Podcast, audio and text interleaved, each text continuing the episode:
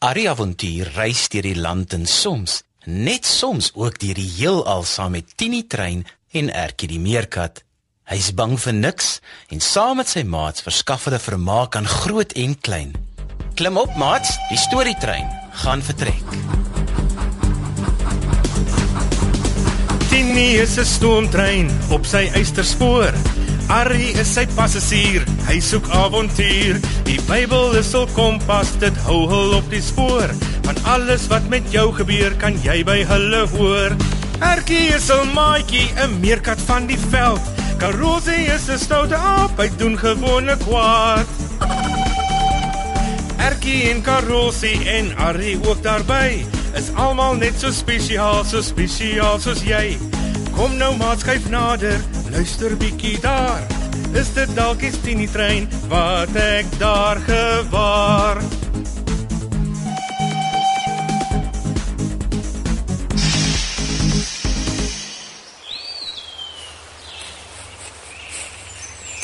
Ertjie, Karosie, ek kan amper nie glo ons kry julle twee bymekaar nie. O, ek's baie bly. Hallo Arrie. Hallo Arrie. Uh, is iets fout Arrie? Nee nee nee, niks is fout nie. Ek en hom Koos en Tini wil julle nooi vir ete. Oh, nou dit klink dan na 'n gawe plan. Ja, Garosi, het seker net eet gehoor. Ja, ons het gedink dit sal goed wees om 'n spesiale ete te hê omdat ons mekaar al amper 'n jaar lank ken. Jokas Arrie, jy is reg. Dit was herfs. Toe een aand besluit het om by die huisie uit te glip om te sien wat in die nag gebeur. Toe verdwaal ek en toe kry ek jou by die kampvuur. Nou dis nou weer herfs. Dis is 'n verjaarsdagpartytjie. Ooh, 'n partytjie. Ooh, dit klink al hoe beter. Net so julle amper soos 'n 'n verjaarsdagpartytjie, nê? Nee. Nou wanneer is die ete Arrie? Wel, ons het gedink ehm um, nou sal dit werk. Oh, enige tyd werk vir my om te eet Arie regtig. ja, ek weet dit Karosie. Ertjie, het jy nou waghoudiens of is dit reg met jou ook? Mm, dit is Marie se eerste waghoudiens op haar eie. Ek wou haar eintlik so 'n bietjie dopgehou het sonder dat sy weet. Net om seker te maak sy kom reg en sy is oukei. Tipiese busybody ou soos wat jy is. Dink mos niemand kan iets so goed doen soos jy nie. Ag, is die Karolsie. Is omdat ek omgee vir my kleinsus. Ek wil net seker maak Ag, dis lief van jou, Ertjie. Karosie hou jou in nou man. Ertjie bedoel dit goed. Sien. Ag ja, wat ook al. Toe, kom ons gaan eet. Ertjie, ek is seker Marie sal heeltemal veilig wees na haar werk goed doen. As dit jou sal laat beter voel, sal ek vir Tini vra om 'n oogie op haar te hou. Jy kan haar dop op een van Tini se skerms in die eetsaal. Sal dit help? Ag, dankie Ari, jy verstaan altyd. Nou maar goed. Kom dan binne. Tini, kan jy oogie op Marie hou asseblief en die beeld op jou skerm in die eetsaal wys? Dankie ou maat. Alteseker graaf. Welkom julle. Hallo oom Koos. Ek kan gedoorie waar jy gewoond raak daaraan as om Koos of Tini of wie ook al vir jou graaf noem nie. Graaf. Ek weet jy is graaf Argeopolis von Zand avontuur. Maar dit klink en voel nie soos jy nie. Jy is mos net Arrie. Ek is maar net Arie vir my vriende, maar ek is ook deel van 'n koninklike bloedlyn. Oom Koos en Tini Trein kan my ook maar Arie noem, maar veral oom Koos se manier van doen is meestal bietjie meer formeel. Ek sal ook nooit vir oom Koos net Koos noem nie. Ek sien dit sal nou 'n bietjie vreemd voel want hy het my doeke help ruil toe ek 'n baba was, né? oh, Magies. Oh, dit is nou 'n tafel van my drome. Ooh, alles waarvan ek hom eet is hier. Oh, en vir nagereg 'n hele pot vol goue heuning in die middel van die tafel. Gaai. Laaste daar se vrot papoen. Uh, duidelik gaan Karosie nooit voel dis nodig om enige formele maniere te hê. Partytjie. Hoe hy ooit enige hele trop gaan lei. O, oh, dis 'n skrikwekkende gedagte. Rustig, Karosie. Daar's genoeg vir almal. Ons wil ook dankie sê vir die keer dat julle ons mooi gehelp het.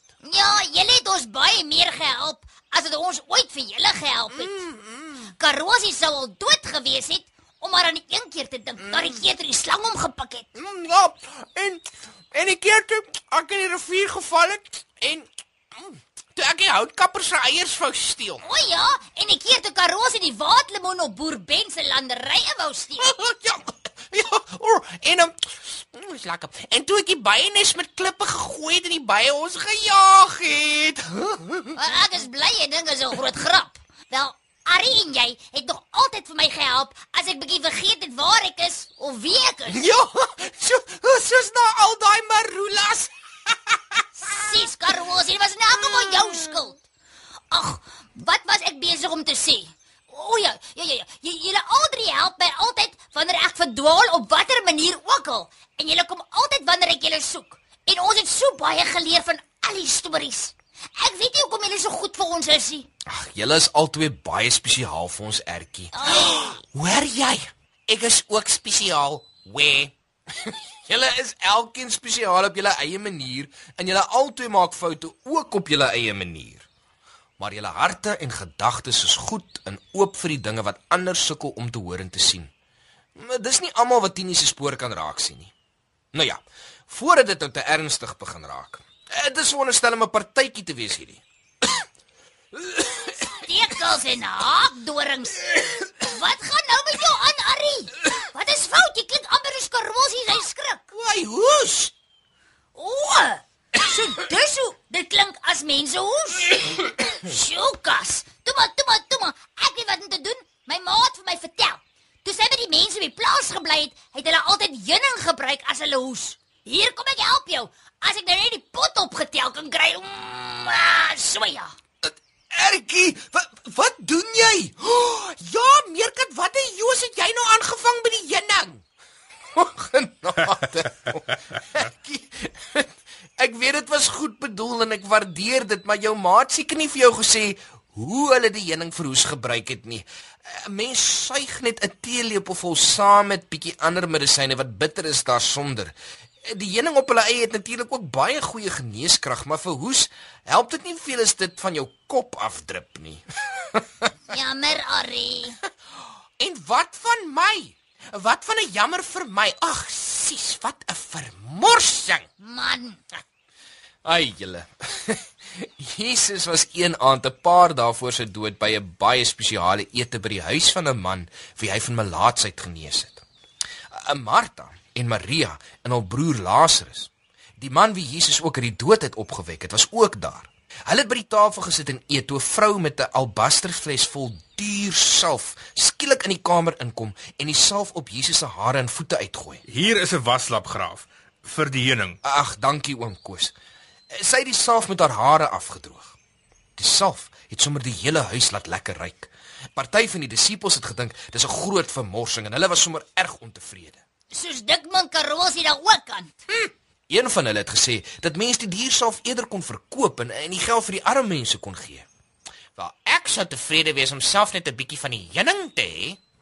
Jesus het geantwoord dat daar altyd arme mense sal wees, maar dat die vrou geweet het dat dit die laaste keer sou wees dat sy hom sou sien. Almal aan boord. Ari, gaan jy nou regtig vir ons aan afklim en ry nadat jy vir ons 'n storie vertel wat so eindig? Gaan dit nou die laaste keer is dat ons vir jou sien omdat ek heuning op jou kop uitgegooi het? Ek is regtig jammer. Ag nee, meerkat nee. Dit het my net in die storie laat dink. Julle sal ons weer sien. Jy weet mos, jy soek net die spoor en roep as jy ons soek. Tini is 'n stoomtrein op sy eysterspoor. Arrie is sy passasier, hy soek avontuur. Die Bybel is hul kompas, dit hou hul op die spoor. Van alles wat met jou gebeur, kan jy by hulle hoor. Erkie is 'n maatjie, 'n meerkat van die veld. Karosie is 'n stoute aap, hy doen gewone kwaad. Erkie en Karosie en Arrie ook daarby. Is almal net so spesiaal, so spesiaal soos jy. Kom nou maat skuif nader, luister bietjie daar. Is dit dalk die Tini trein wat ek daar gewaar? Die avonture van Arrie en Erkie is geskryf deur Elsie Stander. Dit word opgevoer onder spelleiding van Lazelle de Bruin, tegnies versorg deur Neil Roo en vervaar deur Worldwide Media.